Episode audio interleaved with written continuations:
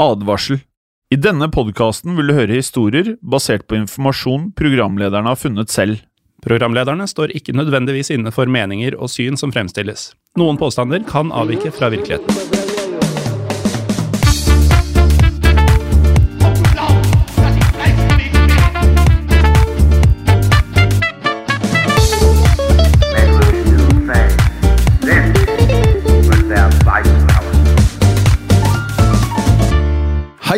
Velkommen til en splitter ny episode av historiepodden VV2, også kalt andre verdenskrig. Mitt navn er som alltid Jim Fosheim. Og mitt navn er Morten Dahl Galaasen. Ja. Uh, I og med at jeg veldig ofte sier Morten, at jeg gleder meg til en episode, kan jeg spørre deg om du eh, har noen eh, predefinerte tanker om dagens episode? Jeg um, gleder meg til episoden. Eh, litt fordi jeg så en film om hovedpersonen da jeg var mye yngre enn nå. Jeg Ja. tror jeg til og med hadde hår på huet. Ja, det er en stund siden. Ja, Hår på huet og ikke så mye i fjeset, så da kan man jo regne tid, tiden der. Ehm, men jeg har liksom eh, ikke visst så mye mer om hovedpersonen enn den versjonen vi får i filmen. Så jeg gleder meg veldig til å virkelig få ta tak i detaljene. da. Ja, og ti, eh, det, det som også hører til historien om Historiepodden, er at vår første episode ever av Historiepodden er jo Kan vi kalle en kollega av dagens mann? Definitivt. Ja, Det var jo til og med mer eller mindre samme krig. ja. Og kanskje de to mest Kaller man Er det riktig å si berømt eller beryktet? Det tror jeg, ja. Begge deler. Begge deler. Ja. Eh, Det er jo da snikskyttere vi skal snakke Ja, om, nettopp. og filmen jeg nevnte heter 'Enemy at the Gates'. Oh, veldig bra film. Mm. Med blant annet han godeste Ed Harris Ja. og Jude Law. Mhm. Og en- Flere. Ja, og en veldig søt dame som liker hovedmannen vår eh, veldig godt. Ja. Um, vi skal jo nå, Morten, prate om en av tidenes dødeligste eh, snikskyttere. Mm. Og det vi også har forstått etter vår første episode med Sim Høyhø Ja, og da er det første episode av vanlig Historiepodden. Helt riktig, den første episoden av noen historiepodkast som vi har laget. Eh, så måtte du ha operert eh, i annen verdenskrig for å være blant de aller gjeveste i denne listen. da. Det er Ja. ett unntak på topp ti-lista. Stort sett alle andre opererte under annen verdenskrig, og dagens mann er en av de mest kjente, nemlig Vasilij Zaitsev. Ja. Og Vasilij Zaitsev han er da særlig kjent for sin deltakelse under slaget om eh, Stalingrad, der han egenhendig skal ha tatt livet av hele 242 tyske soldater. Og eh, ja, vi nevnte jo denne filmen, Jim. Ja, vi nevnte Enemy at uh, the Gate, som jeg sikkert har sett 10-15 ganger, eh, som handler nettopp om selveste Zaitsev, og da slaget om Stalingrad. Og, um, og det som kan være greit i referanse til denne meget eh, gode filmen, så er det, um, som vi skal høre, stor forskjell på fakta og fiksjon når det gjelder eh, historien om Vasilij Zaitsev. Ja, og da kan vi jo starte med å introdusere den eh, ekte Vasilij Zaitsev, som ble født den 26. mars 1915 ved den russiske byen Jeleninskoje. Og eh, hvis man ikke er sånn altfor interessert i russisk geografi fra før, så kan jeg jo fortelle at denne byen ligger i Uralfjellene. Og vi vet jo fra tidligere episoder at det er mye hardbarka tøffinger fra Uralområdene. Ja, Ja. Um, og Uralfjellene er jo da denne enorme fjellkjeden som da strekker seg tvers gjennom Russland, og ofte anses som en slags grense mellom Europa og Asia.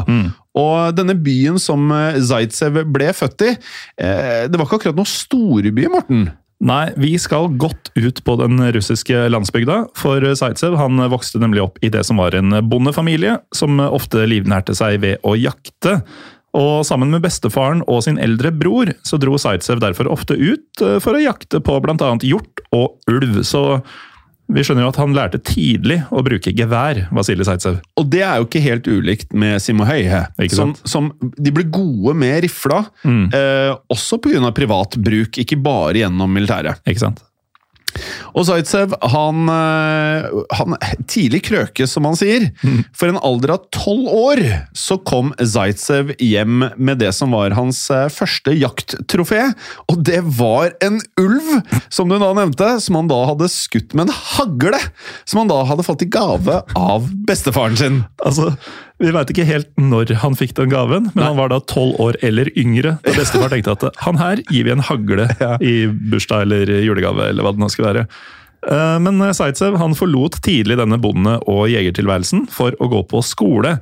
Og det gjorde han i byen Magnitogorsk, der han studerte det vi i dag ville kalt byggfag, og deretter regnskapsføring. Så var en mann av mange talenter. Allsidig eh, studieretning, òg, får man si. Ehm, og etter at han var ferdig med disse studiene, så gikk Zaitsev så videre inn, lite overraskende, i militæret. Og i 1937, da Zaitsev kun var 17 år, så begynte han å tjenestegjøre i den sovjetiske marinen. Og etter en periode med videreutdanning på militærskole, så fikk han seg jobb i finansavdelingen til den sovjetiske Stillehavsflåten. Og der tjenestegjorde Zaitsev fram til 1941, da Sovjetunionen ble angrepet av Nazi-Tyskland. Og nå har vi kommet til et punkt der vi må krydre med en liten dose kontekst. Enig i det, for andre verdenskrig brøt jo, som alle lytterne av podkasten vet, ut i 1939, da Tyskland angrep Polen. Men rett før krigsutbruddet så hadde faktisk Sovjetunionen da, som sikkert ve- veldig mange også vet, inngått denne avtalen med Tyskland. Og dette var den såkalte Molotov-Ribbentrop-pakten, som da var oppkalt etter begge lands utenriksministre. Og denne avtalen gikk ut på at Sovjetunionen og Tyskland da lovte å ikke gå til krig mot hverandre. Ja, og Da Frankrike og Storbritannia så gikk til krig mot Tyskland for å forsvare Polen, så holdt derfor Sovjetunionen seg nøytral. Men eh, denne første delen av verdenskrigen den ble jo kortvarig, og Tyskland erobra Frankrike i løpet av bare noen måneder våren 1940. Ja. Og med det, Morten, så var jo da veien klar for at Adolf Hitler eh, mer eller mindre kunne løfte blikket mot det som han anså som sitt hovedmål, som da var å erobre nettopp Sovjetunionen. Og tyskerne de planla derfor en enorm invasjon som da måtte til, selvfølgelig, som da fikk navnet Unternehmen Barbarossa, og det har vi pratet om mange ganger før i denne podkasten, og den andre podkasten vår, eh, eh, Morten, som på norsk går under Operasjon Barbarossa. Ja, En eh, veldig god episode, om jeg må si det selv. Veldig god episode, om jeg også får lov til å si det selv. Og invasjonen den ble iverksatt den 22. juni 1941, og åpnet dermed den nye krigsfronten, som da ble kjent som Østfronten. Og siden man hadde inngått denne ikke-angrepsavtalen med tyskerne, så kom jo dette angrepet som en stor overraskelse på Sovjetunionen. Um, og det var jo flere som hadde stolt på Hitler i krigens tidligere år, som skulle angre på det. Ja, og tyskerne de angrep i tråd med prinsippet som da har blitt husket som blitskrig, som tjente dem svært godt frem til dette tidspunktet.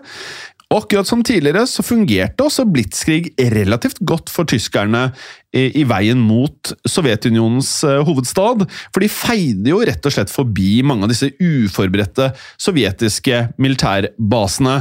Og blitskrig gikk da rett og slett ut på at eh, Tyskerne de ønsket å rykke frem i et høyt tempo, med gjerne pansertanks og andre militære kjøretøyer i spissen for angrepene, med da folk kommende, altså infanteriet, etter dem. Ja, og I tillegg så skulle da det tyske flyvåpenet, Luftwaffe, bombe så å si alt og alle som sto i veien for de fremrykkende tyske troppene. og Det viste seg å være uhyre effektivt, og tyskerne omringa store sovjetiske hærstyrker. For på bare tre måneder så tok de hele tre millioner sovjetiske fanger.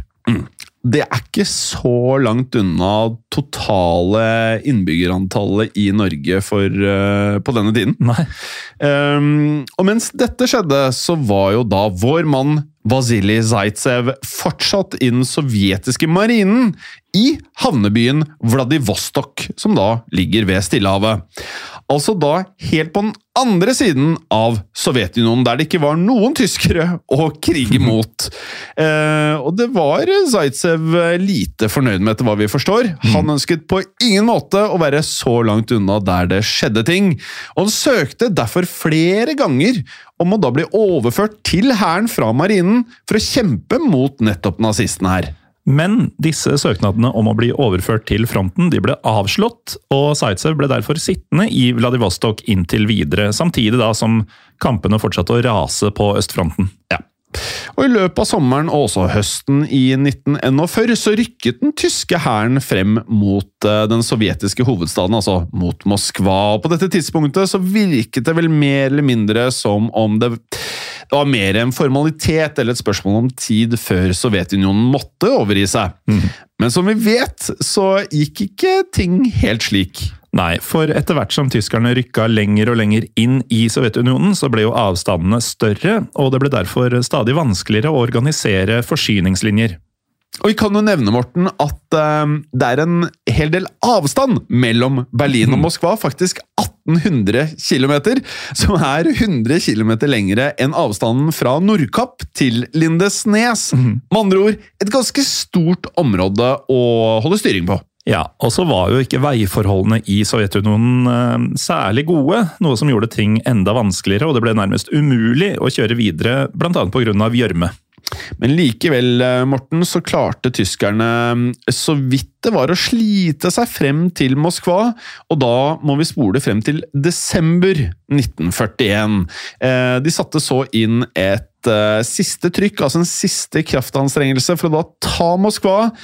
Men det var da blitt iskaldt da altså denne russiske vinteren eh, slo til, og sovjetiske forsterkninger fra Sibir sørget for at Sovjetunionen klarte å forsvare hovedstaden sin. Ja, og ettersom disse mm, knallharde vinterforholdene gjorde det umulig å angripe videre, så bestemte tyskerne seg for å vente til våren 1942 før de igjen skulle gå på offensiven.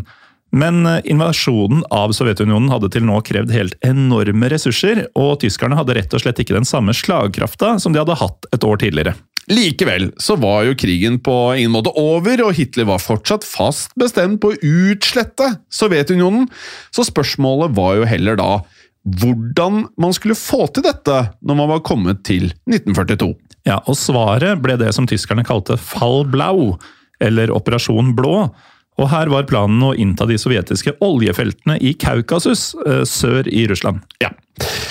Dette angrepet det startet eh, 28.6.1942, da 1 370 000 tyske soldater, 2000 krigsfly og 1900 panservogner begynte å rulle frem over frontlinjene i Sør-Russland. Og Som en del av denne operasjonen så bestemte tyskerne seg for å sende en armé for å erobre byen Stalingrad.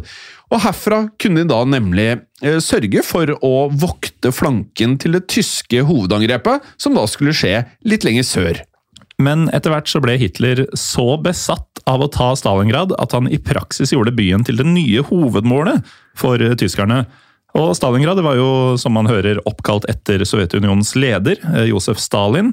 Noe som gjorde det til en eh, ekstra prestisjetung sak for Hitler å innta det som da symbolsk sett var Stalins egen by. Og nå begynner vi sakte, men sikkert å bevege oss til vår hovedmann. For i tillegg så lå jo Stalingrad strategisk plassert, som da var midt på Europas lengste elv, Volga. Og denne elven på ja, ca. 3500 km, den rant tvers gjennom Sovjetunionen fra Leningrad, altså i dag St. Petersburg, og ut i Svartehavet. Og byen var derfor også en eh, svært viktig forsyningslinje, som da kontrollerte båttrafikken som gikk langs Volga. Som betyr at eh, dersom tyskerne inntok byen, så ville de kunne stanse den sovjetiske forsyningslinja som da gikk langs elva.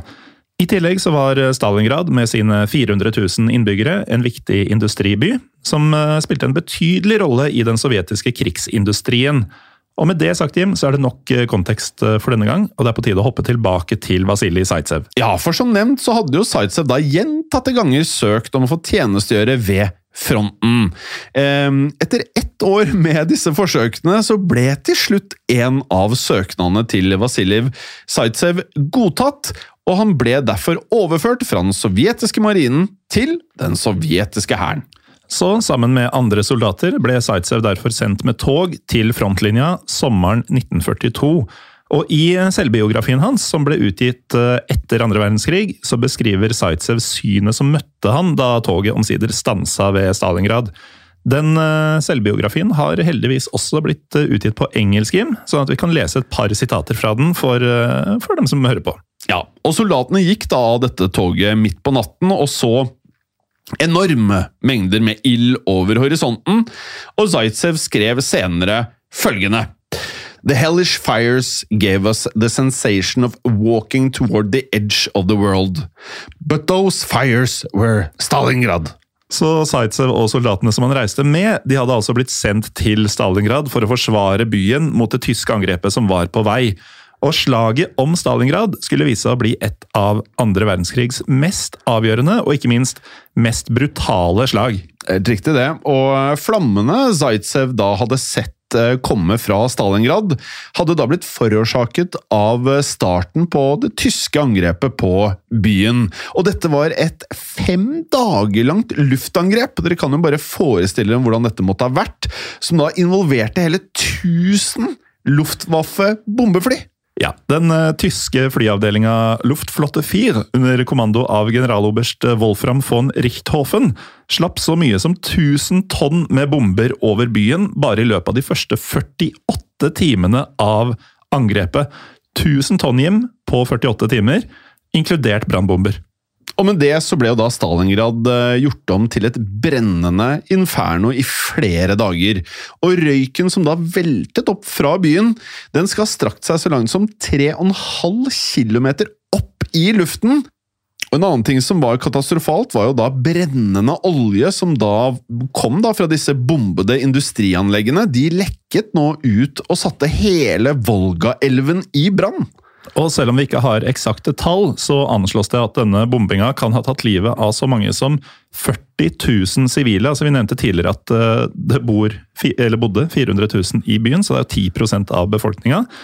Eh, Stalin hadde jo gitt ordre om å ikke evakuere disse 400 000 sivile før tyskerne kom, for han skal visstnok ha ment at eh, hvis byen var full av sivile, så ville de sovjetiske soldatene kjempe enda hardere for å forsvare Stalingrad. Ja, og for å forsikre seg om at de sovjetiske soldatene ville kjempe så hardt som overhodet mulig, så ga også Stalin en ordre til eh, forsvarerne av Stalingrad, så sa han noe sånn som følger. Ikke et steg tilbake, og ifølge denne ordren så skulle da offiserer som lot soldatene trekke seg tilbake, rett og slett da stilles for krigsrett. Det er nådeløst. Det er nådeløst, altså. Eh, og ansvaret for å forsvare byen falt da på generalløytnant Vasilij Tsjujkov, som da erklærte at man skulle forsvare byen eller dø i forsøket. Og da gjorde militæravdelinga til Sightsave seg klare til å forsvare Stalingrad mot den tyske hæren som nå rykka inn i selve byen. Og I tre dager så forberedte Zaitsev og de andre soldatene seg ved å trene på gatekamp. De øvde annet på å slåss med bajonetter, kniver, spader og også håndgranater. Men det var jo eh, som snikskytter at eh, Zaitsev snart skulle bli kjent. Riktig det. Men det skulle først skje da etter at han da først hadde blitt kastet inn i disse gatekampene, som nå fant da sted i overalt, egentlig, i Stalingrad. Den 22. september 1942 så krysset Vasilij Zaitsev sin avdeling Volgaelven og gikk i land på Vestbredden i Stalingrad. Og her fikk Zaitsev raskt sin første smak på kamp, da avdelinga hans ble utsatt for et tysk granatkasterangrep. Eh, Zaitsev kasta seg da ned i et bombekrater, og overlevde ved å klamre seg så nært bakken han bare klarte. Og da granatangrepet omsider tok slutt, så fikk avdelinga til Zaitsev ordre om å angripe de tyske styrkene, som nå var å finne overalt i Stalingrad. Ja, og Zaitsev og medsoldatene hans de ble derfor kastet inn i eh, hva som er utenkelig for oss som sitter her nå, men det var svært brutale kamper som da raste rett og slett fra hus til hus. Um, og de tilbrakte annet den første uken i Stalingrad med å da rett og slett eh, gå til eh, daglig angrep på tyske soldater som da hadde forskanset seg i en metallfabrikk i nærheten. Ja, og Noe som gjorde disse gatekampene ekstra farlige, var nettopp det at tyskerne hadde jo bomba byen fra lufta før de rykka inn i den. Og Derfor så var jo Stalingrad i praksis blitt til en haug med ruiner og utbomba bygninger. Ironisk nok så gjorde jo dette det umulig for tyskerne å bruke den effektive blitskrig-taktikken, For eh, det ble jo nemlig vanskelig å komme seg fram med tanks og andre store kjøretøy i byen. Og det ble enkelt for forsvarerne å finne skjulesteder blant ruinene. Og Derfor så ante ikke tyskerne ofte hva som skjulte seg rundt eh, neste hjørne, noe som var til stor hjelp selvfølgelig for de sovjetiske snikskytterne. Mm. Og de ble da etter hvert en av de aller farligste truslene eh, som tyskerne kunne møte på i Stalingrad. Ja, eh, Zaitsev beskrev selv hvor farlige disse snikskytterne kunne være. Han eh, skrev senere A sniper needed only 10 seconds to aim and fire accurately. Therefore, in a minute, a sniper had the possibility of getting off at least five good shots. It took 20 to 30 seconds to reload. As you can calculate, in the span of a minute, 10 snipers were capable of killing up to 50 enemy soldiers. Ja, Og det er ganske effektivt. Ja, 50 minutter. Helt vilt, faktisk. Uh, uansett, etter å da ha deltatt som vanlig soldat i disse kampene i rundt en måneds tid, så fikk Zaitsev ordre om å uh, rett og slett forberede seg på en ny rolle, nettopp som snikskytter. Og Vi kan vel nå si Morten, at vi i første del av episoden har bygd opp og satt liksom eh, konteksten her for, for Vasilij Zaitsev, mm. og mer om hvordan dette skulle gå for en av tidenes dødeligste snipere. Det får du høre etter en kort pause. Velkommen tilbake. Som vi nevnte tidligere, så hadde jo Vasilij Zaitsev trent mye på å skyte i oppveksten, da han ofte var med bestefaren på jakt, og derfor ble det snart tydelig for medsoldatene hans at Vasilij Zaitsev han hadde talent for å bruke gevær. Nemlig. Og en dag så skal da Zaitsev ha stått sammen med noen av sine sovjetiske medsoldater i en av skyttergravene som de da hadde gravd. Og en av de andre soldatene la da merke til tre tyskere gjennom kikkertsiktet sitt. Og selv om disse tyskerne befant seg på relativt lang avstand etter hva vi har forstått, så skal Zaitsev så ha da løftet geværet sitt og avfyrt tre skudd ganske kjapt og truffet alle tyskerne med ett skudd hver seg. Og vi vet ikke akkurat distansen her, selvfølgelig, men det var på, blir beskrevet som veldig langt hold.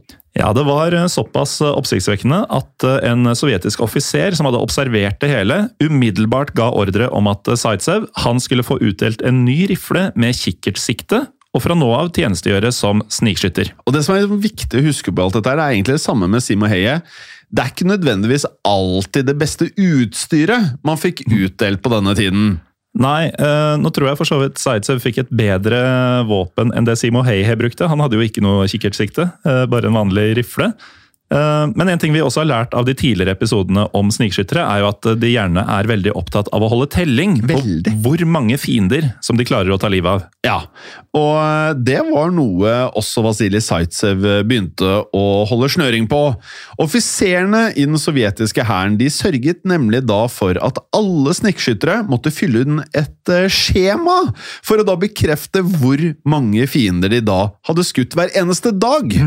Ja, og det skjemaet skulle inkludere en beskrivelse av dagens hendelser og snikskytterens signatur.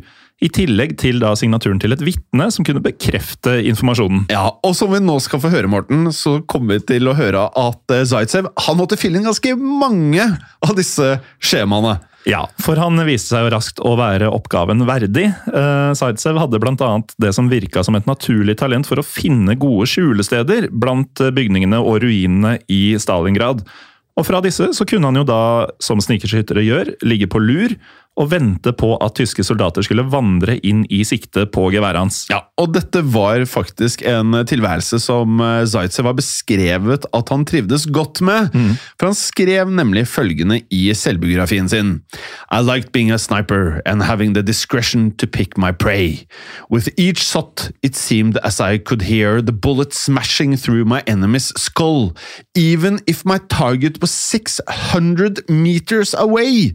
Sometimes a Nazi would look in my direction, seeming to stare right at me without having the slightest idea that he was living out his final seconds. Dette er, kaldblodige saker, Morten. Skulle til å si det, det gikk faktisk litt kaldt eh, nedover ryggen min nå. Um, og det tok ikke lang tid før eh, Zaitsevs ferdigheter som snikskytter imponerte flere høytstående sovjetiske offiserer i Stalingrad. Ved ett tilfelle så hadde avdelinga til Zaitsev funnet et hus som de hadde søkt tilflukt i.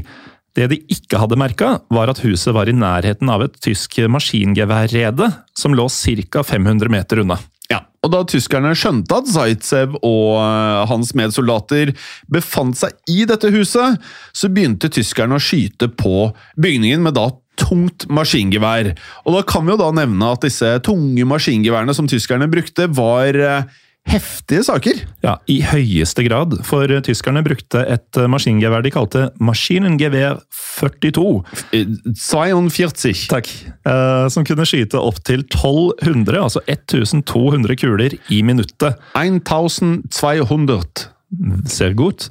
Med andre ord så var eh, de sovjetiske soldatene som ble skutt på, i store vanskeligheter. Men heldigvis så hadde de Vasilij Zaitsev med seg. Om de hadde. Eh, Zaitsev han hadde nemlig laget et eh, eget eh, snikkskyterrede eh, i nettopp dette huset som nå ble beskutt. Og For å trekke en parallell her til Simo Heie.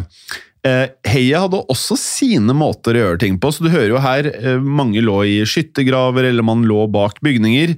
Men de beste, virker det som, de gjorde sin variant og skreddersydde sine omgivelser. Mm. for her lå Zaitsev i skjul eh, bak noen treplanker, mens han eh, forsiktig da stakk dette geværet ut og, og kikket i, eh, i kikkertsiktet sitt mellom en sprekk som han da hadde funnet i den ene murveggen, og da han fikk øye på den tyske maskingeværskytteren, så skulle det gå som det gikk. Ja, Zaitsev beskrev senere det neste som skjedde.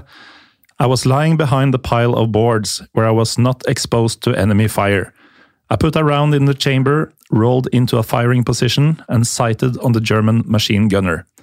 Even at this distance, it was easy to lay my crosshairs across his face. His helmet was tilted back, so I was able to center my crosshairs between his eyes. I pulled the trigger. The machine gun stopped firing instantly as the gunner collapsed over the barrel. Åh, dette er helt sykt, da! Jeg føler at det, det her er som eh, Det er beskrevet så godt at det, jeg kan se for meg filmen. Ja, og så er det jo sånn at um, det var jo sikkert øh, Ja, nå er det ikke den strengeste vinteren akkurat nå, men øhm, du er jo gjerne litt shaky på labben uansett når du har, øh, har et øh, slikt gevær. Han virker som han ikke hadde det problemet. Mm. Og så er det litt sånn eh, Jeg vet ikke i hvor stor grad de kan innrømme den type ting, men det var nok et visst adrenalinkick. Altså, du kan bli drept, og så ligger du der og er så god i det du gjør, at du plukker, altså, du plukker fienden. Rett og slett. Og, så er du litt superstjerne òg, for alle vet at du er flink. Mm. Han har allerede fått dette supervåpenet i gåsetegn da, fordi han er dyktig. Mm. Uh, uansett, da, så skjøt da Zaitsev eh, to ganger til, han, og han traff begge ganger. Og resultatet var da, som jeg beskrev tidligere, tre døde tyske soldater, og dermed så forsvant hele trusselen fra dette tyske maskingeværet fordi Zaitsev var såpass dødelig. Og da fikk de sovjetiske offiserene i Stalingrad virkelig øynene opp for Vasilij Zaitsev. Før dette hadde offiserene hans faktisk brukt å gjøre narr av Zaitsev pga. at han hadde denne bakgrunnen som regnskapsfører. De eh, hadde visstnok eh, også vitsa om høyden hans, ettersom Zaitsev var en forholdsvis lav mann. Ja, Det var også et annet likhetstrekk med Simon Høy. Mm. Eh, men da han fjernet disse tyske maskingeværskytterne på må jo si veldig effektivt vis her. Klinisk. Klinisk er ordet, ja. Eh, som da hadde truet hele avdelingen hans. Så ble det slutt på vitsene om at han var regnskapsfører og at han var lav. Eh, for nå ble Zaitsev eh, behandlet med en helt ny form for respekt. Offiserere, medsoldater hadde nå innsett at Zaitsev rett og slett kunne være en livredder og en game changer i krigen.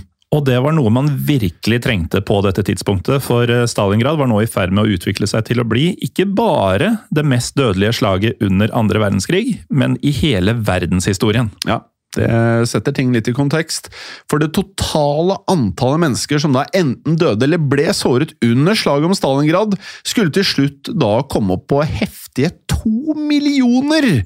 Og jo høyere drapstallene ble, desto mer besatte ble både Adolf Hitler og Josef Stalin på å vinne slaget. Ja, og I løpet av høsten 1942 så, så det ut som om tyskerne, til tross for store tap, sakte, men sikkert var i ferd med å få overtaket. Og De sovjetiske styrkene som hadde ryggen mot Volga, de ble pressa lenger og lenger tilbake mot eh, elvebredden. Og området som de sovjetiske soldatene forsvarte, ble til slutt redusert til en liten stripe av Stalingrad, som var 15 km lang og 2-3 km dyp. Og For å gi litt perspektiv på dette, her, så kan vi fortelle at det er like langt som det er da fra et sted du er meget bevandret, Morten, nemlig Lillestrøm, Hei. til et annet sted du ikke er ubevandret, nemlig Grünerløkka. Mm. Så det er ikke rare avstanden sovjeterne nå holder. Nei. Og midt inne i dette området så var det altså hundretusenvis av tyske og sovjetiske soldater som kjempa en brutal kamp fra hus til hus. Og da får man jo en følelse av hvor farlig dette faktisk var. Ja, og For tyskerne så viste Vasilij Zaitsev seg å være noe av det aller farligste man kunne støte på i hele byen. Eh, Og I løpet av høsten i 1942 så lå nemlig Zaitsev på lur med geværet sitt dag etter dag og jaktet nazister eh, der han lå. Eh, Og Bare i løpet av den første måneden som han opererte som snikskytter, så tok han livet av 40 nazister, etter hva vi kan eh, forstå. Ja, og ofte så visste jo ikke tyskerne hva som traff dem, før det var for sent. Og som vi nevnte tidligere, så var jo dette tydeligvis noe Zaitsev lærte å sette pris på, mens han valgte ut ofrene sine gjennom kikkertsiktet sitt. Ja, og det er mye bra utdrag fra eh, boken hans. Hør på dette. It always intrigues me to look at an enemy hundreds of meters away. Beforehand you could only see him as a small shape. Then suddenly you can see the details of his uniform and whether he is short or tall, skinny or fat. You can tell whether or not he has shaved that morning. You know if he's young or old. You can see the expression on his face. And sometimes your target will be talking to another soldier or even singing to himself. And as your man wipes his brow or lazily moves to that his helmet shifts, you can find the best spot to plant your bullet. Det er veldig, veldig beskrivende. Jeg sier ikke at han nøt det, men det er noe med måten han beskriver dette på som er eh, i hvert fall i det minste ekstremt ekte. Ja, og så er det jo det at eh, de karakteristikkene han gir der, det må jo ha vært med på å menneskeliggjøre fienden litt for han også. Eh, Men i hvert fall, Zaitsev han planta hundrevis av kulene sine i forskjellige tyske soldater i løpet av månedene som eh, slaget raste i Stalingrad. Og i den grad det er mulig, så kan vi jo prøve å beskrive en eh, typisk arbeidsdag for Vasilij Zaitsev. Ja. I gåsetegn typisk arbeidshverdag. Um, for han kunne da gjerne finne på å gjemme seg blant hauger med grus inni tomme vannledninger. Det får man jo også sett i filmen. Eller høye bygninger som da ga han eh, enormt god utsikt, eh, og strategisk smart, selvfølgelig. Og her kunne han så da ligge og vente i flere timer, uavhengig om det var kaldt, varmt, om han var sliten eller ikke, helt til det dukket opp et mål. Og Zaitsev han hadde også mm, ofte med seg eh, flere medsoldater, altså en partner, som holdt ham med selskap, og hjalp han da med å speide. Ja, og taktikken var da en eh, slags form for hit and run. For hver gang han hadde skutt et lite antall eh, tyske soldater, så flytta Zaitsev og partneren hans på seg og fant et nytt skjulested. og Derfor så ble det jo vanskelig for tyskerne å finne ut hvor skuddene kom fra. Ja, og Noen ganger så jobbet Zaitsev også sammen med andre snikkskyttere, ikke bare speidere. Og I disse tilfellene så ville de typisk dele seg i tre lag og finne forskjellige skjulesteder. Og Dermed så dekket de det samme området, bare fra tre forskjellige vinkler. Bare tenk hvor dødelig det må være å gå inn i denne sonen deres! da! Ja, Og som eh, han har nevnt flere ganger i disse utdragene, de aner jo ikke at de er i kryssilden. Nei da. Og det mest forunderlige av alt, bare for å forstå hvor langt fremme disse gutta lå, da, så er dette nå faktisk en eh, taktikk som snikkskyttere den dag i dag benytter seg av. Mm. Og eh, naturligvis, får vi nesten si, så viste Zaitsev seg å være meget dyktig når det gjaldt disse forskjellige taktikkene. Til eh, tross for at han bare hadde et par måneders erfaring i denne snikskytterrollen, så fikk han derfor også ansvar for å trene opp nye snikskyttere som kom til Stalingrad. Og dermed ble Zaitsev et eh, Han var jo et kjent navn. Nå ble han veldig kjent blant de sovjetiske snikskytterne i byen. Og etter hvert som han selv skjøt flere og flere tyskere, så fikk han da denne kjendisstatusen. Um, og som vi vet, så opp gjennom uh, historien så ser man at i forskjellige kriger så ønsker jo militæret å ha helter. Det ble annet trykket en historie om Zaitsev i den sovjetiske pressen, mens slaget fortsatt pågikk. Og da ble jo Zaitsev til slutt en uh, nesten mytisk skikkelse i historien om uh, Stalingrad. Og den kanskje mest legendariske delen av historien om Vasilij Zaitsev, det skal ha vært da han utkjempa en flere dager lang duell mot en tysk snikskytter, mens slaget raste rundt dem. Og dette der er så det, Man, man tror dette er fiksjon. ikke sant? At det er to snikskyttere. Alt dreier seg om de to, og så er det en av tidenes største slag rundt dem. Verden raser rundt deg, og du har bare øyne på det ene målet. Ja, det er helt vanvittig. Eh, og for de eh, lytterne som da har sett Enemy at the Gates, altså filmen som vi nevnte tidligere, så husker man kanskje denne delen av historien om eh, Zaitsev. Eh, for der er det jo Ed Harris og Jude Law som da kjemper mot hverandre. Og mesteparten av filmen handler nemlig om denne duellen dem imellom. Ja, og også denne endelsen har Zaitsev selv beskrevet i eh, selvbiografien sin. Ifølge Zaitsev så begynte tyskerne å bekymre seg over antallet soldater som ble drept av de sovjetiske snikskytterne, og det kan man jo godt forstå. Derfor så skal tyskerne ha henta inn sjefen for en tysk eh, snikskytterskole ved navn major König til eh, Stalingrad. Og König han skal så ha fått i oppdrag å ta livet av så mange sovjetiske snikskyttere som mulig. Ja, og ifølge selvbiografien til eh, Zaitsev så skal han ha tatt livet av major König.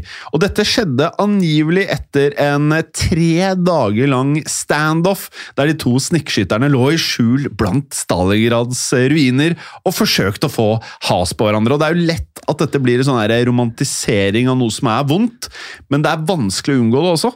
Ja, men eh, her er det også muligens et skille mellom fakta og fiksjon. For uh, ifølge den britiske historikeren uh, sir Anthony Beaver, som har skrevet en anerkjent bok om slaget om Stalingrad, så fant aldri denne duellen sted i virkeligheten. For Beaver fant nemlig ikke spor av disse hendelsene i de sovjetiske militærarkivene, da han da fikk tilgang til de på 1990-tallet. En mulig forklaring på dette er at denne historien fra Zaitsev sin selvbiografi rett og slett er eh, funnet opp. Ja, og Beaver mente da at eh, de sovjetiske myndighetene ønska å bruke Zaitsevs heltestatus for det den var verdt, da selvbiografien hans kom ut i 1956. For da er vi jo tross alt under den kalde krigen. Og derfor ble Zaitsev en del da, av den sovjetiske propagandaen, selvfølgelig en viktig del. Eh, og denne historien skal dermed ha blitt um, dyttet inn i boka for å fremstille Zaitsev i et enda mer heroisk lys. Men det tar um, likevel ikke fra Zaitsev at han nok eh, likevel står igjen som en av historiens aller dødeligste snikskytere og mest eh, myteomspunnede.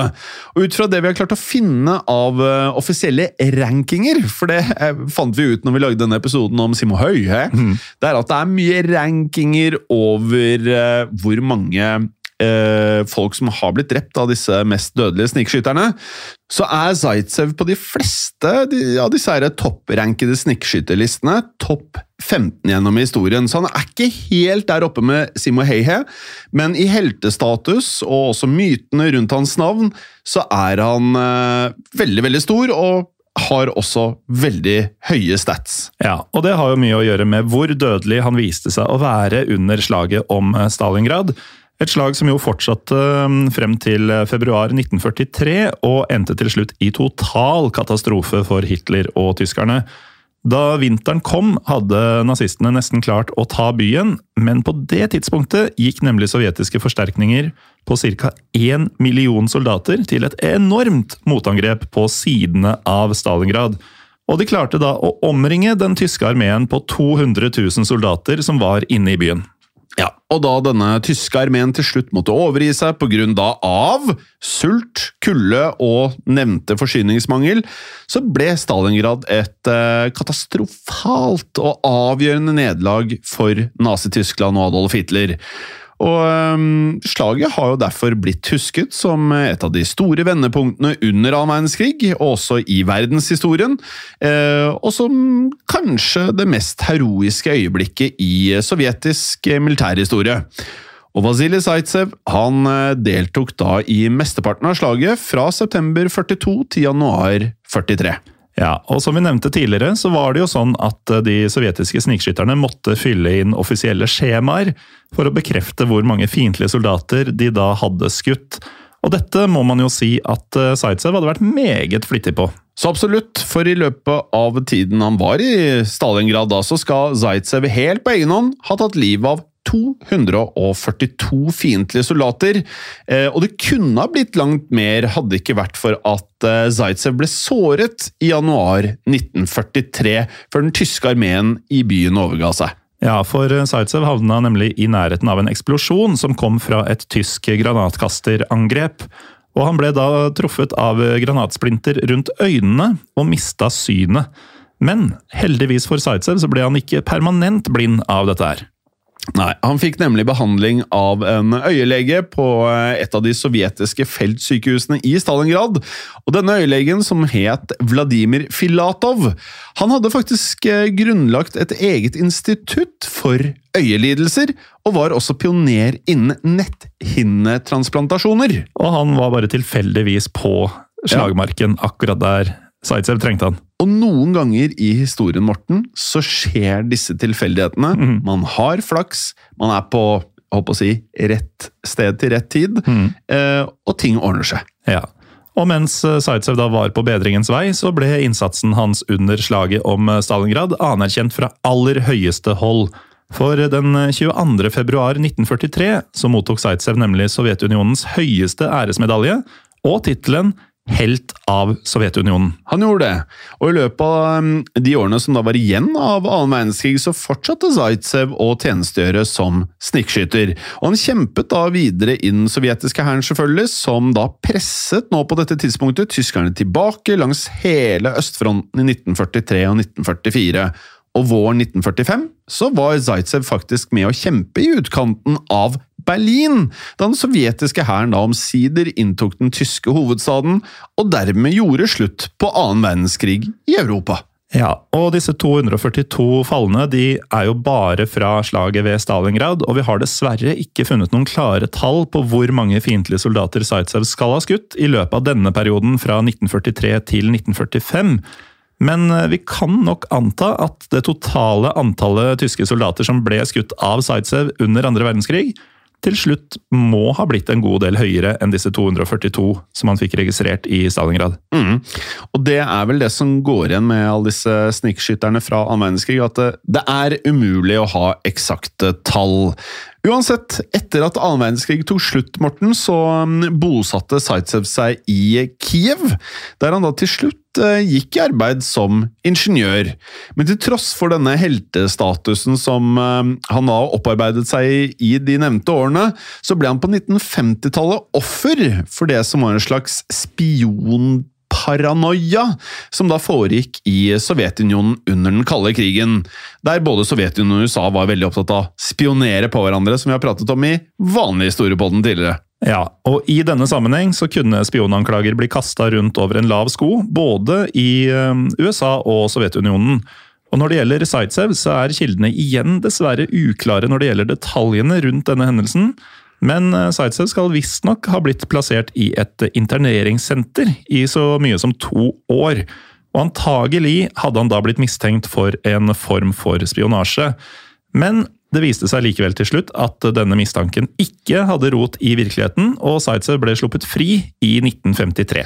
Det vi lærer i historiepodden, er at eh, helter eh, ofte blir fort glemt. Kort vei fra himmel til helvete noen ganger. Mm. Videre, i 1956, så ga Zaitsev ut eh, den eh, selvbiografien som vi har pratet om eh, mye i denne episoden, som da i all hovedsak da handlet om det som foregikk i Stalingrad. Mm. og han skal så da ha blitt direktør på en tekstilfabrikk, også i Kiev, der han da jobbet resten av sitt liv. Ja, og Vasilij Zaitsev han døde omsider i en alder av 76 år den 15. desember 1991, som faktisk bare var elleve dager før Sovjetunionen ble oppløst. Men siste del av historien om Zaitsev den fant faktisk sted 15 år seinere, i 2006. Det er riktig det, for da ble nemlig levningene hans eh, flyttet, og Zaitsev fikk en full militærbegravelse i byen Volgograd. Og de som er godt oppdatert på um, sovjetiske slash russiske byer, vet kanskje da at Volgograd gikk under et annet navn under annen verdenskrig, nemlig Stalingrad. Så symbolikken er blytung i dette her. Og um, Vasilij Zaitsev han ble da gravlagt på en høyde med utsikt over hele eh, tidligere Stalingrad, nå Volgograd, hvor han eh, fortsatt ligger den dag i dag. Og med det, Morten, så har vi hatt en, syns jeg i hvert fall, veldig lærerik eh, episode. Um, og Zaitsev eh, det, Han er jo en helt, selv om han har drept mye folk. Ja, det er jo faktisk derfor han er en helt. Mm. Det er rart hvor mye kontekst har å si for sånne ting. Og, og det som går igjen, det er jo ikke Vi har jo pratet om norske helter fra annen verdenskrig som ikke nødvendigvis har blitt behandlet akkurat som man hadde håpt at en helt skulle bli behandla etter krigen. Zaitsev offer for noe av det samme. Ja. Um, og med det så uh, er vi ved veis ende i dag. Det er vi. Um, Vi har jo, hvis du likte denne episoden av Historie på den andre verdenskrig, så har vi også vanlig Historie på den, som kommer ut på tirsdager. Um, hvis du syns det er litt lite historiepod i livet ditt, uh, så har vi Facebook og Instagram, der vi heter Historiepod Norge begge steder. Ja. Og vi har en Facebook-gruppe som heter Historie for alle. ja. Der vi da nå har bikka 5000 medlemmer og skal opp på 10 000. Ja, Men først uh, jakta på 6000, Ja, og så tar vi det derfra. Ja, ja, helt riktig. Og med det, Morten, dette her har jo faktisk skjedd. Og det kan skje igjen. Og det kan skje mange ganger igjen. Mm. Ha det bra. Ha det. Historiepodden ønsker å takke følgende. Dere som hjelper oss som sitter i produksjonen. Dere som hjelper oss som sitter i redaksjonen, inkludert eh, tekstforfattere. Det er helt riktig. Og dere som sitter på marked, som faktisk da gir oss muligheten til å drive med Historiepodden. Og selvfølgelig alle dere som hører på. Tusen takk. Moderne media.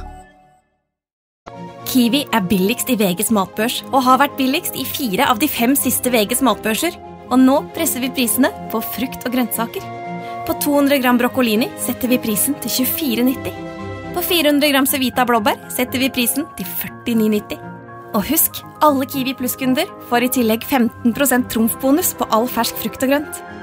For det er vi som er prispresserne. Og vi i Kiwi gir oss aldri på pris.